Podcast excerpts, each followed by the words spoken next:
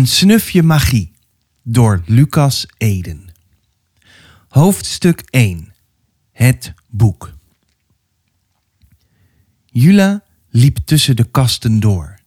De rijen boeken strekten zich eindeloos uit. Ze had gehoopt dat deze winkel ook een kinderboekenafdeling had, maar er werden alleen oude en dan ook echt stokoude boeken verkocht. Links en rechts van haar waren grote houten boekenkasten tegen elkaar geschoven om lange gangpaden te vormen. Op alle planken stonden in leer gebonden boeken kaft aan kaft, met dikke bladzijden die allemaal ongelijk waren. Ze zagen er allemaal kostbaar uit en heel saai. Zie je wel, ze had veel beter in Silverdale kunnen blijven. Ben helpen in de bakkerij of desnoods gewoon lekker thuis puzzelen of lezen. Maar haar moeder vond het belangrijk om iets samen te doen op een vrije dag in de vakantie. Jula keek achterom. Lekker samen dit. Voor in de winkel stonden haar ouders met de boekhandelaar te praten over een stapel boeken die tussen hen in op tafel lag. De eigenaar van antiquariaat Casimir was voor de verandering niet een oude man die eruit zag alsof hij elk moment tot stof kon vergaan, zoals Jula er inmiddels zoveel had gezien in de winkels die haar ouders bezochten. Deze man leek jonger dan haar ouders. Hij droeg wel een ouderwets driedelig kostuum dat niet bij zijn leeftijd paste. Maar het had een mooie donkerblauwe kleur, vond Jula. Precies de kleur van de lucht vlak voordat het echt donker werd en er sterren verschenen. Hij keek haar net even aan en schonk haar een vriendelijke glimlach. Jula draaide zich om en dwaalde verder. Ze liet haar vingers langs de geribbelde leren ruggen van de boeken glijden. Opeens zag ze iets oplichten.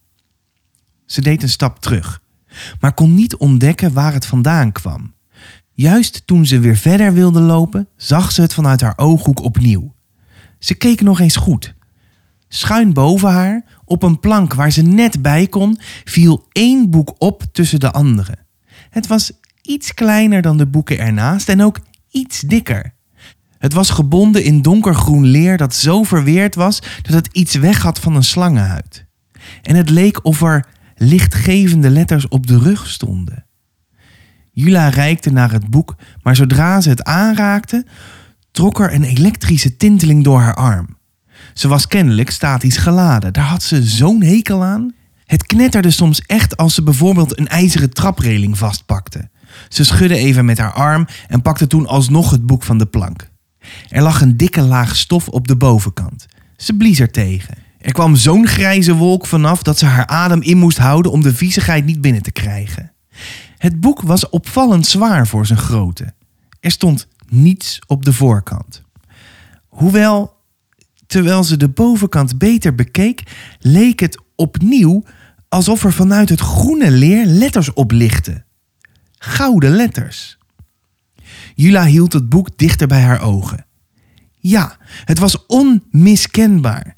Steeds duidelijker zag ze vijf letters. Jula! Jula schrok zo dat ze haar boek bijna uit haar handen liet vallen.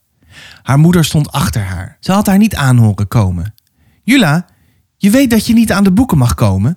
Theresa stak haar hand uit. Geef maar hier. Jula gaf het boek aan haar moeder. Wat moet ik dan? vroeg ze. Jullie zijn al eeuwig bezig en er is hier niets te doen. Mag ik vast naar buiten? Haar moeder antwoordde niet. Ze bekeek het boek van alle kanten en bladerde het door. Grappig, zei ze. Er staat niets in. Het ziet er wel mooi uit. Mam, Jula begon nu echt geïrriteerd te raken. Als haar ouders met boeken bezig waren, leek het wel alsof er niets anders op aarde bestond. Theresa keek op. Jula zag aan haar blik dat ze even moest terugkeren op aarde. Uh, ja, sorry liefje, zei ze. Ik begrijp dat het saai voor je is. We zijn bijna klaar. Loop maar even mee, dan rekenen we af. Jula liep met haar mee naar voren, waar haar vader en de boekhandelaar stonden te wachten. Heb je iets moois gezien? vroeg de boekhandelaar aan Jula.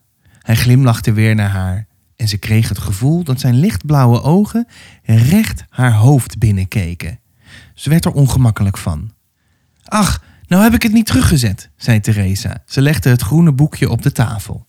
Ik heb gezegd dat ze er niet aan mocht komen. Wat is het trouwens? Het lijkt wel een dagboek. Die zie je niet vaak meer in zo'n goede staat. Wat denk je, Ravi? Moeten we het meenemen? Jula's vader pakte het boek op. Jula leunde een beetje tegen hem aan en keek mee terwijl Ravi het van alle kanten bekeek. Ze vond de gouden letters mooi. Het leek wel of ze licht gaven. Zou er een batterij in de kaft zitten? Dan was dat misschien ook de oorzaak van dat schokje daarnet. Sorka, las ze. Wat zeg je? vroeg Ravi. Niets, zei Jula snel. Ze had zich niet gerealiseerd dat ze het hardop had uitgesproken en voelde zich steeds ongemakkelijker onder de blik van de boekhandelaar. Hij bleef haar maar aankijken en knikte vriendelijk toen ze hem een blik toewierp. Zijn lach deed Jula denken aan de Cheshire Cat uit Alice in Wonderland. De raadselachtige, grijnzende kat. Alsof hij straks zou verdwijnen, maar zijn grijns nog bleef hangen. Volgens mij zijn we er zo, toch? De boekhandelaar pakte het boekje uit de handen van Ravi en legde het opzij. Hij tilde de grote stapel boeken op die Jula's ouders hadden uitgezocht en liep naar de kassa. Volgens mij wel, zei Teresa en ze keek Ravi aan, die ook knikte. Ze wierpen elkaar nog een blik toe toen de boekhandelaar het totaalbedrag noemde, waaruit Jula opmaakte dat ze heel tevreden waren.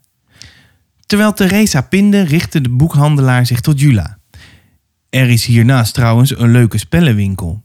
Echt iets voor jou, zei hij. Theresa en Ravi waren heel vrolijk toen ze de spellenwinkel naast antiquariaat Casimir uitkwamen. Jula ook. Haar ouders waren in zo'n goed humeur dat ze alle tijd mocht nemen om rond te kijken en een escape room uit te zoeken. Jula was gek op spellen. Vooral als je erbij moest nadenken, puzzels op moest lossen, trucjes moest verzinnen. Daarom noemde haar vader haar altijd Sherlock. Naar de verhalen, zei hij. Maar Jula dacht altijd aan een escape room die de naam van Sherlock Holmes droegen. En ze vond het prima. Eigenlijk hield ze van alle soorten spelletjes. Na escape rooms waren kennisspellen haar favoriet. Maar iets minder, want haar vriendin Yin won die altijd. Ik had niet gedacht dat we dat boek ooit zouden vinden, zei Ravi, die zijn arm om Jula's moeder had geslagen. En dan ook nog, Jula zoomde uit. Jula zoomde uit en zwaaide met de tas waar haar nieuwe spel in zat. Haar ouders hadden een boekwinkel. Dit boek dus. Niet zo'n oude, muffe zaak als waar ze net waren geweest, maar een grote lichte winkel met een koffiehoek, een mooie kinderboekenafdeling, bestsellers, de favoriete literatuurlijst van Theresa en Ravi en tafels vol meenemertjes, zoals ze die noemden. In het stadje waar ze woonden kwamen veel toeristen en die hielden kennelijk vooral van vrolijke boeken, dus daar lagen hele stapels van. Kookboeken, fotoboeken, boeken vol tips hoe je zo prettig mogelijk kunt leven en verhalen over zon en liefde. Maar de boekverkoop in de winkel was om de kachel te laten branden, zoals Ravi altijd zei. Het allerliefst hielden Jula's ouders zich bezig met bijzondere boeken. Via internet verkochten ze antieke boeken, eerste drukken en andere unieke uitgaven en ze namen bestellingen aan van moeilijk te vinden titels via hun zoekservice. Iedere maandag, als hun eigen winkel was gesloten, reisden ze naar antiquariaten om naar dat soort boeken te zoeken. Normaal gesproken zat Jula dan op school, maar nu had ze vakantie. Haar ouders hadden beloofd dat ze, als ze mee zou gaan naar Roonhaven, een stadje aan de kust op drie uur rijden van Silverdale, in het haventje van de stad samen zouden lunchen. Jula hield niet van vis, maar vond het wel heel gezellig om met haar ouders uit eten te gaan. Dat gebeurde niet vaak, want van boekverkopen werd je niet rijk volgens haar ouders. Maar wel gelukkig, vulde Theresa dan snel aan. Jula keek om zich heen en gaapte. Ze waren al vroeg vertrokken vanmorgen en het bezoek aan Casimir had bijna drie uur geduurd. Ravi had hun aanwinsten in een bestelbusje gelegd en ze liepen nu in de zon langs de kade. Het rook er zeelt en een beetje vissig. Niet echt lekker, maar wel naar vakantie. Op het glinsterende water deinden bootjes, waar hier en daar mensen op het dek zaten. Aan de andere kant strekten zich zover ze kon kijken terrasjes uit. Haar ouders keken naar verschillende menukaarten, vergeleken de prijzen en overlegden wat ze het lekkerst vonden. Jula wilde dat Ben en Jin erbij waren. Dan konden ze samen tussen de boten doorlopen. Ze zouden bedenken welke boot van hen was en waar ze naartoe zouden varen. Maar Ben hielp zijn vader deze vakantie in de bakkerij. Hij wilde zelf ook graag banketbakker worden. Ook al zeiden zijn ouders dat hij met zijn twaalf jaar nog te jong was om dat zeker te weten. Hij was altijd op zoek naar nieuwe, bijzondere soorten koek en gebak. In dit boek dus bekeek hij altijd de nieuwe kookboeken en van Theresa mocht hij de recepten overschrijven die hem bijzonder genoeg leken. Jula hielp hem graag bij het uitproberen van zijn vondsten. Hun vriendin Jin was nog altijd een week op kamp. Na de zomer zouden ze met z'n drieën naar de middelbare school in Ulfort gaan. Gelukkig kwamen ze ook daar weer bij elkaar in de klas. Dit is een leuke plek, haalde Ravi haar uit haar dromen. Heerlijke mosselen en ze hebben voor jou pannenkoeken. Ze vonden een tafeltje op het terras met mooi uitzicht over de kade en het water.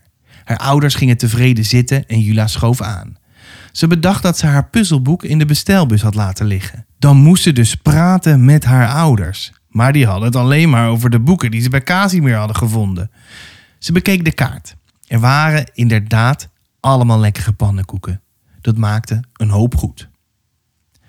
Ze hadden nog wat door de straatjes van het oude stadscentrum van Roonhaven gedwaald toen Theresa het tijd vond om naar huis te gaan.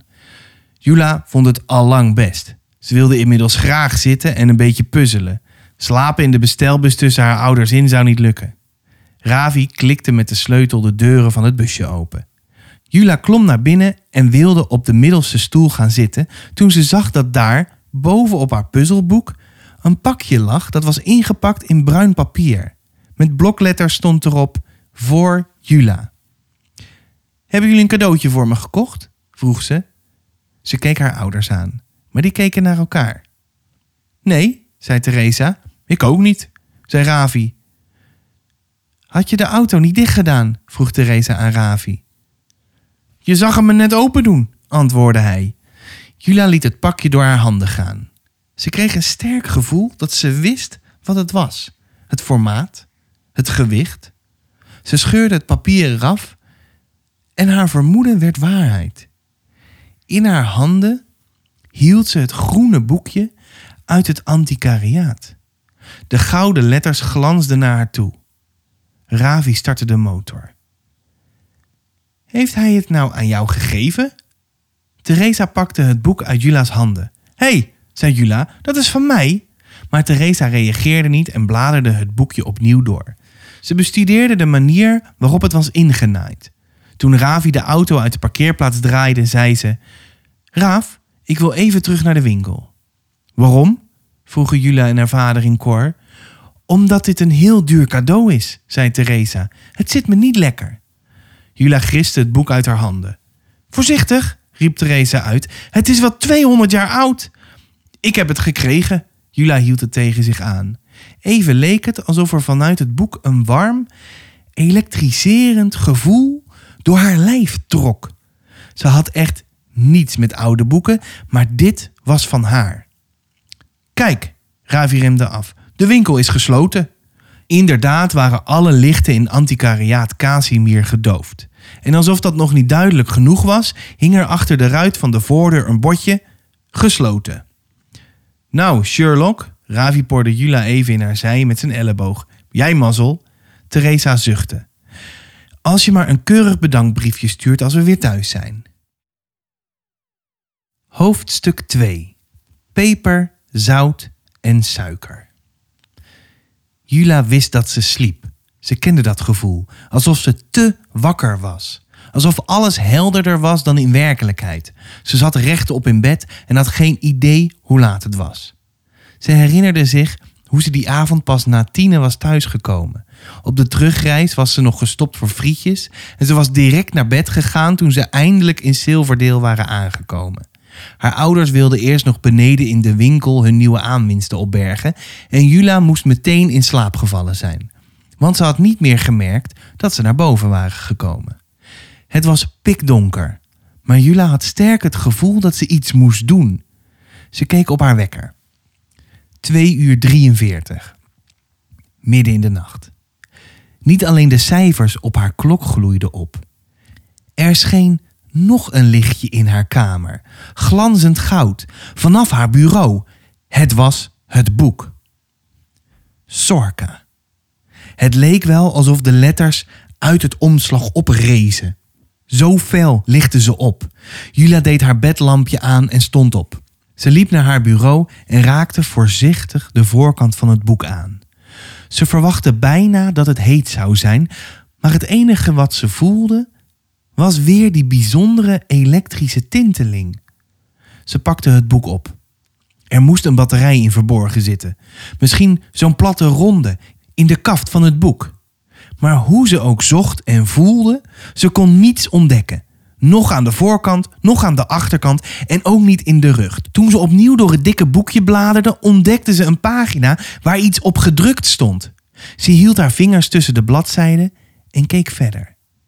Alle andere bladzijden waren leeg. Er was maar één bladzijde bedrukt, op ongeveer een derde van het boekblok.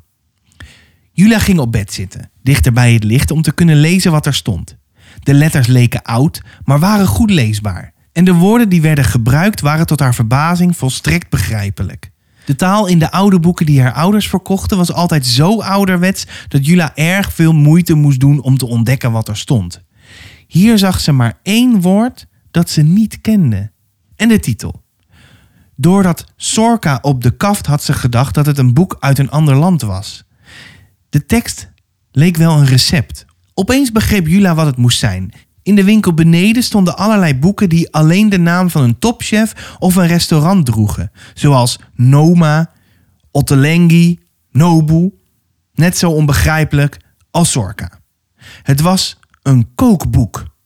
Ze las het recept.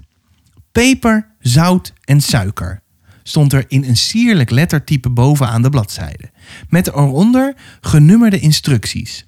1. Houd duim en wijsvinger van de linkerhand tegen elkaar aan. 2. Maak een wrijvende beweging. 3. Spreek intussen de volgende sorkie uit, naar wens. Voor peper, mimue laspiron. Voor zout, mimue las salon. Voor suiker, mimue las sucro. Dat was alles. Er stond niet eens een ingrediëntenlijst bij. Misschien was het wel een dummy. Er kwamen wel eens vertegenwoordigers van uitgeverijen in de winkel die dan vertelden over de nieuwe boeken die zouden verschijnen. Soms hadden ze een boek bij zich zoals dit, waar nog niets in stond, of waarvan er maar een paar bladzijden waren bedrukt, zodat je een idee kreeg hoe het echte boek eruit zou gaan zien. Jula's ouders hadden er een paar beneden liggen waarin ze aantekeningen maakten. Zouden er 200 jaar geleden ook al vertegenwoordigers met dummies langs de winkel zijn gegaan? Jula begon weer slaperig te worden. Ze las nog eens wat er stond. 1. Houd duim en wijsvinger van de linkerhand tegen elkaar aan. Ze hield het boek met haar rechterhand open en drukte haar duim en wijsvinger tegen elkaar. 2. Maak een wrijvende beweging. Ze nam aan dat ze dat met haar duim en wijsvinger moest doen en wreef ze tegen elkaar. 3. Spreek intussen de volgende sorkie uit, naar wens. Voor peper, mimuelaspiron. Mimuelaspiron. Jula struikelde bijna over het woord. Maar op hetzelfde moment voelde ze iets korreligs tussen haar duim en wijsvinger. En terwijl ze die tegen elkaar bleef wrijven, stroomde er een straaltje zwarte, fijne korreltjes tussendoor dat op haar bed viel. Jula sprong op. Het boek viel van haar schoot. Nee, op haar laken lag een klein hoopje zwarte korreltjes. Ze keek naar haar linkerhand. De toppen van haar wijsvinger en duim waren een beetje rood. Heel voorzichtig likte ze aan haar vinger. Ze proefde peper. Ze doopte haar vinger in de zwarte korreltjes. Het leek echt peper, maar ze durfde niet te proeven. Ze rook eraan en snoof per ongeluk de korreltjes op. Direct kreeg ze een onbedaarlijke niesbui. Het was echt peper. Wat was dit?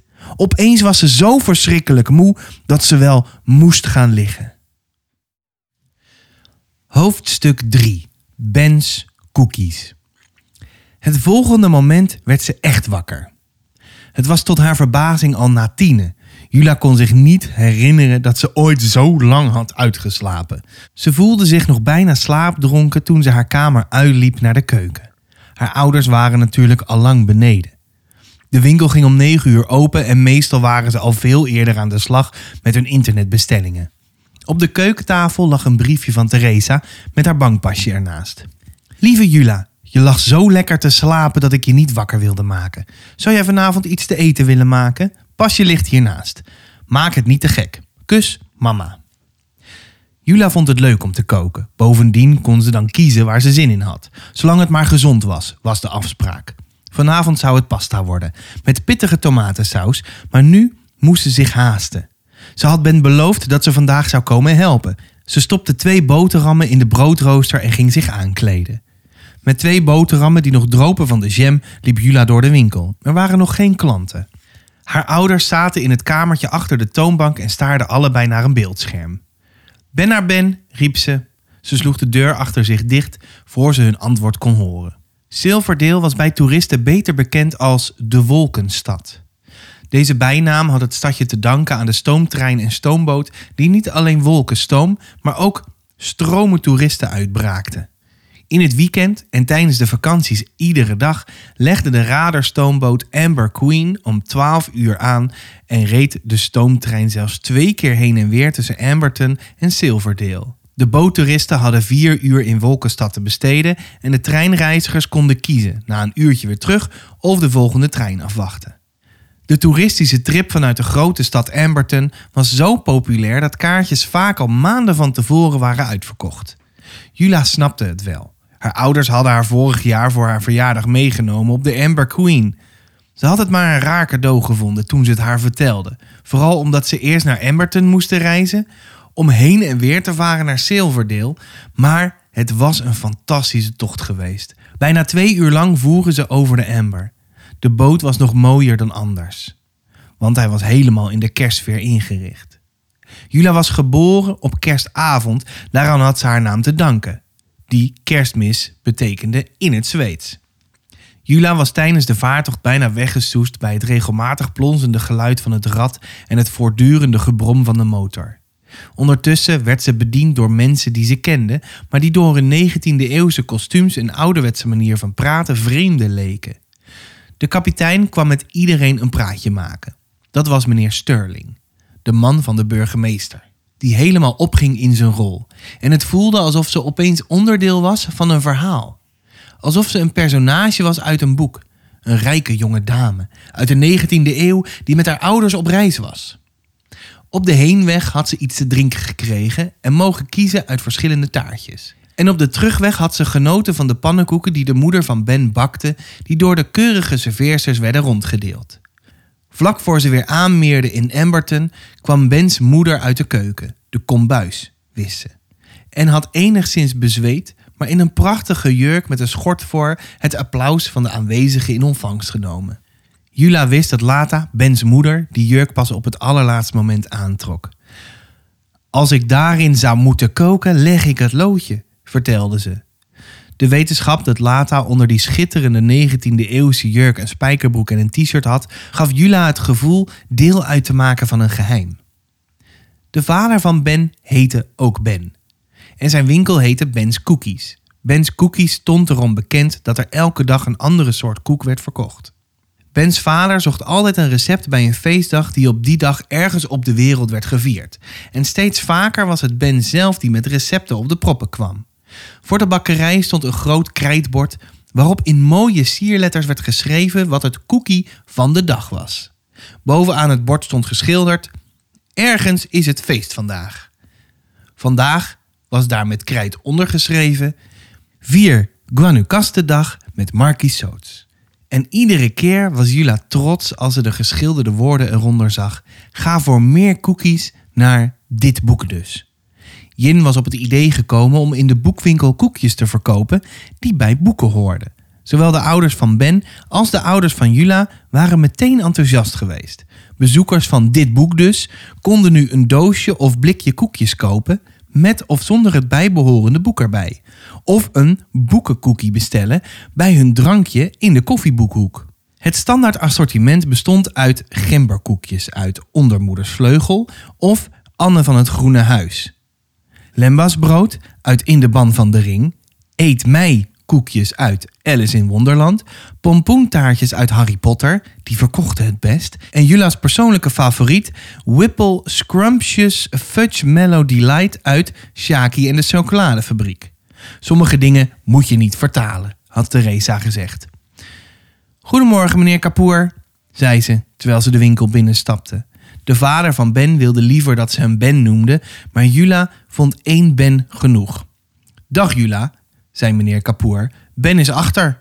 Jula liep door naar het bakkerijgedeelte. Ze kwam graag in de grote ruimte met de ruime werkbladen, de verschillende ovens en de planken vol ingrediënten. Vandaag rook het heerlijk naar citroen en vanille.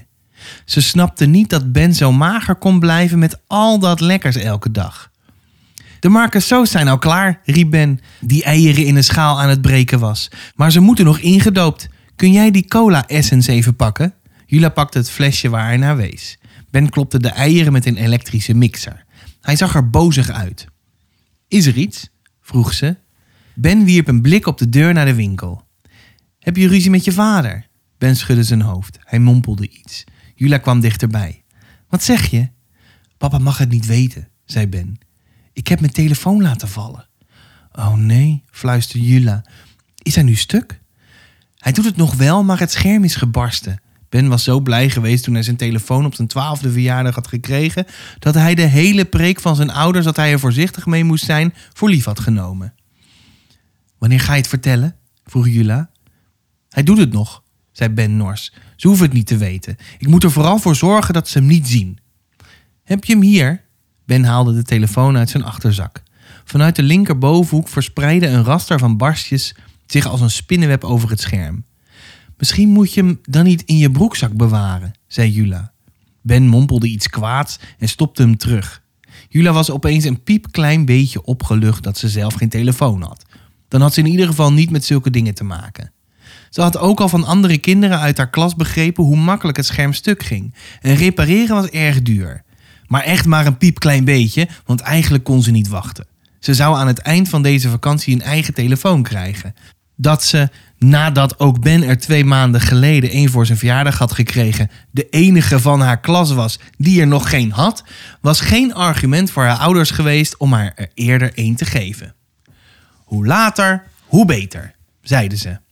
Volgens Jula waren ze bang dat ze geen boeken meer zou lezen als ze een telefoon had.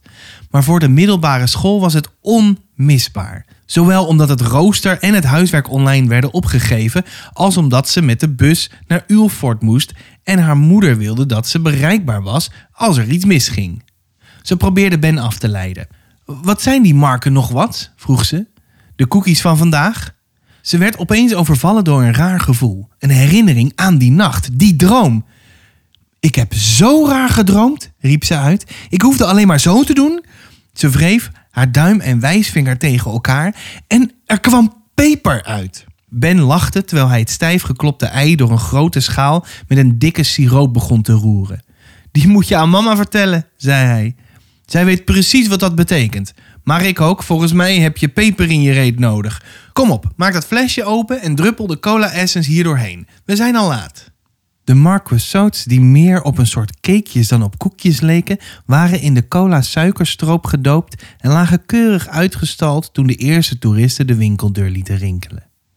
De stukjes die ze mochten proeven werden met goedkeurende geluiden ontvangen en Ben en Jula trokken zich terug in de keuken om iets te drinken. Papa vindt dat ik morgen een vrije dag moet nemen, zei Ben. Zullen we dan samen iets gaan doen? Ik moet zo weer de winkel in. Ja, leuk, zei Jula. Ik heb een nieuwe escape room. Red je je wel vandaag zonder Jin als backup? Elke dag een koekje bij een feestdag betekende ook elke dag een ander verhaal. Meneer Kapoor vond namelijk dat je, als je in de winkel hielp, de klanten over het feest van de dag moest kunnen vertellen. Jin was geweldig in het opzoeken van leuke feiten over de feestdagen, waardoor Ben zijn vader vaak wist te verbazen omdat hij de toeristen zoveel kon vertellen.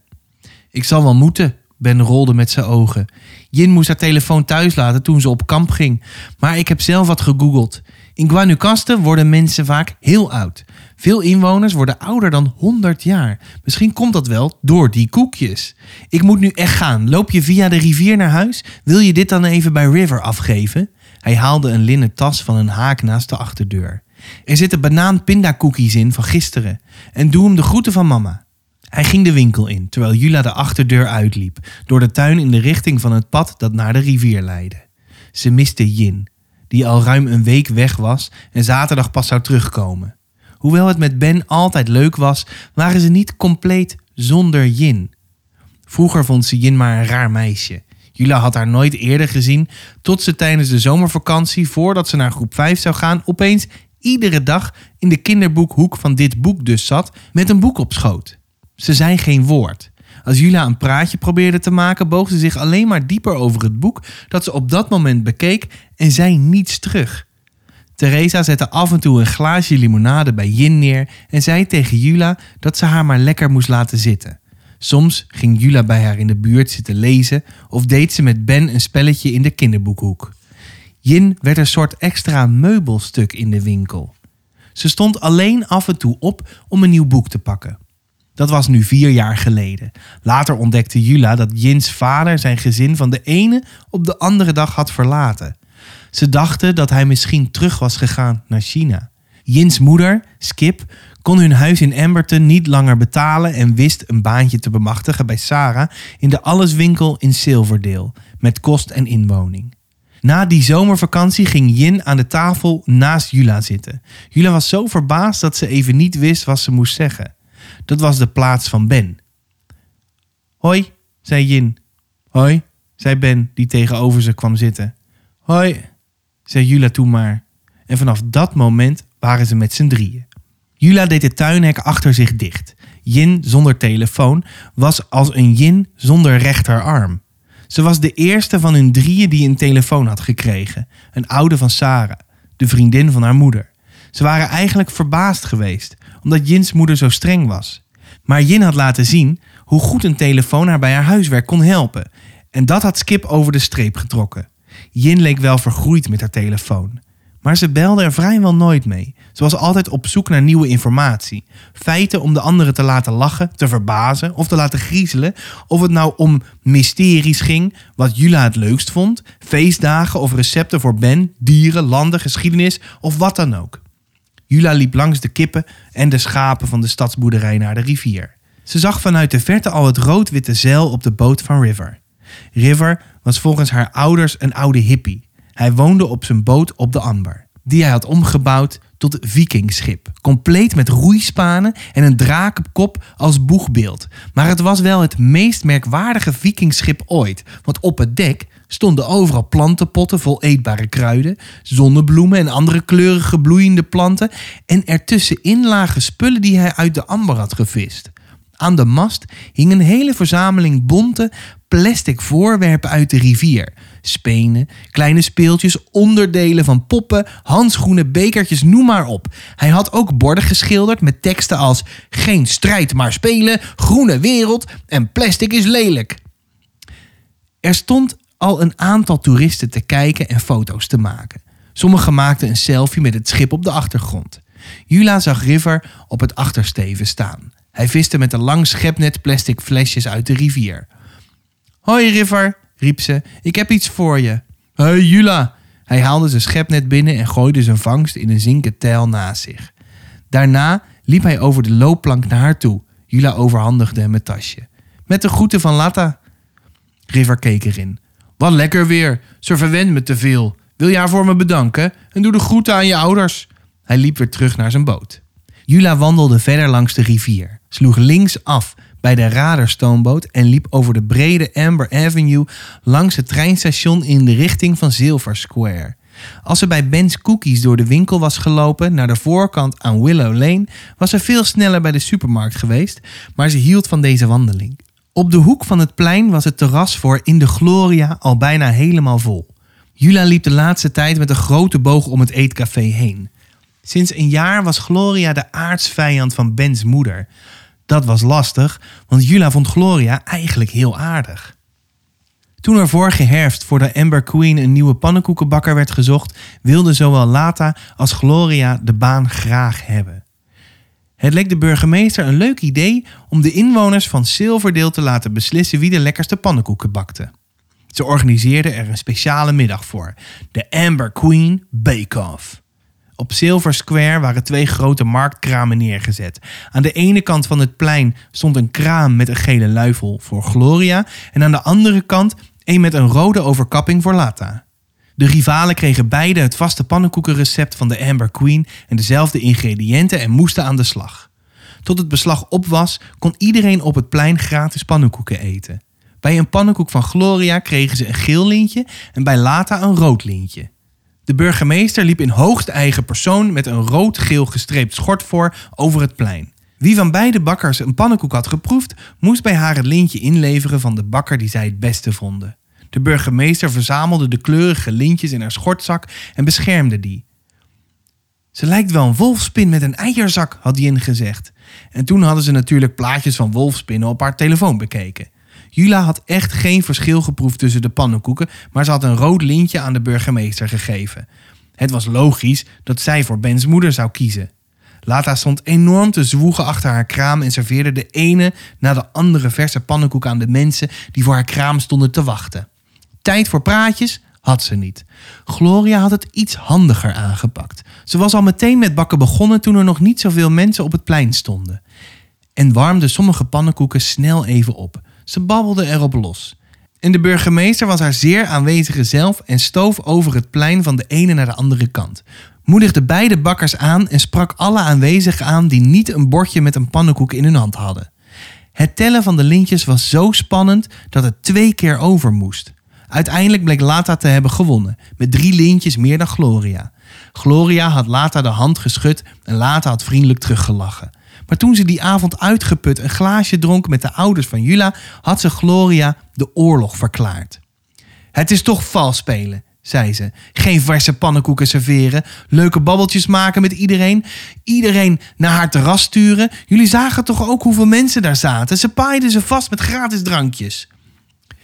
Volgens mij heeft ze niemand gratis drankjes beloofd, zei Ravi. In de Gloria is het enige terras aan het plein, dus het is logisch dat mensen daar iets gingen drinken. Wij zijn zelf ook. Maar meneer Kapoor gebaarde dat hij beter zijn mond kon houden. En omdat iedereen zag hoe Mulata was, lieten ze het rusten. Het zou wel overwaaien. Maar het waaide niet over. De volgende dag prijkte op de voorpagina van de Silver Gazette die Jula's vader altijd het zilversuffertje noemde, een grote foto van de twee bakkers tijdens de bekendmaking van de winnaar. Een stralende Gloria gaf een kleine zwetende en op dat moment niet zo vriendelijk kijkende Lata de hand. Het onderschrift was De glorieuze verliezer. Jula was bij Ben toen Lata die foto onder ogen kreeg. Lata keek zo woedend dat Jula zeker wist dat wanneer iemand op dat moment een foto van haar had proberen te maken, de lens was gebarsten. Lata bleef volhouden dat ze met een veel grotere meerderheid zou hebben gewonnen als Gloria eerlijk zou hebben gespeeld. En haar wrok bleef. Volgens haar maakte Gloria sinds haar verlies vervelende opmerkingen over Ben's cookies tegen de toeristen op haar terras. Lata was nu al bijna een jaar kwaad en ging Gloria uit de weg. Mijn moeder is niet zo van de vergeving, had Ben wel eens gezegd. Dat was wel duidelijk. Jula vond dat ze tegenover Lata niet kon maken om aardig tegen Gloria te doen. Maar het zag er altijd zo gezellig uit bij In de Gloria. Ook nu weer. In de zomerzon zag het terras er kleurig uit. Op alle tafeltjes op het terras stonden vaasjes met bloemen en niet één stoel was hetzelfde. Jula's blik werd getrokken door een man die in zijn eentje aan de tafel zat en haar kant op keek. Dat leek wel. Dat komt toch niet? Maar die blonde krullen en lichte ogen waren onmiskenbaar. En toen hij vriendelijk naar haar lachte, wist Jula het zeker. Het was meneer Casimir. Hij droeg hetzelfde driedelige donkerblauwe kostuum als gisteren. Een grotere tegenstelling tussen de zomers geklede mensen om hem heen en hemzelf was bijna niet denkbaar. Het leek wel alsof hij zich in een andere wereld bevond. Dat waren de eerste drie hoofdstukken van Een snufje magie, geschreven door Lucas Ede. En de eerste reacties op dit boek zijn ontzettend enthousiast. En misschien ben jij ook wel enthousiast. Weet je wat je dan kunt doen om daarachter te komen? Nou, dan ga je naar de boekhandel en dan vraag je: mag ik misschien uh, een snufje magie van uh, Lucas Ede kopen? Of je gaat naar de bibliotheek en dan vraag je: hey, mag ik misschien uh, een snufje magie van Lucas Ede bestellen? Of lenen, natuurlijk. en dan zeggen zij: oh ja, tuurlijk, hier heb je hem. En dan kan je het uitvinden. Nou, weet je wat je doet? nou ja, dat. Of niet? Nou, tot de volgende keer. Doei!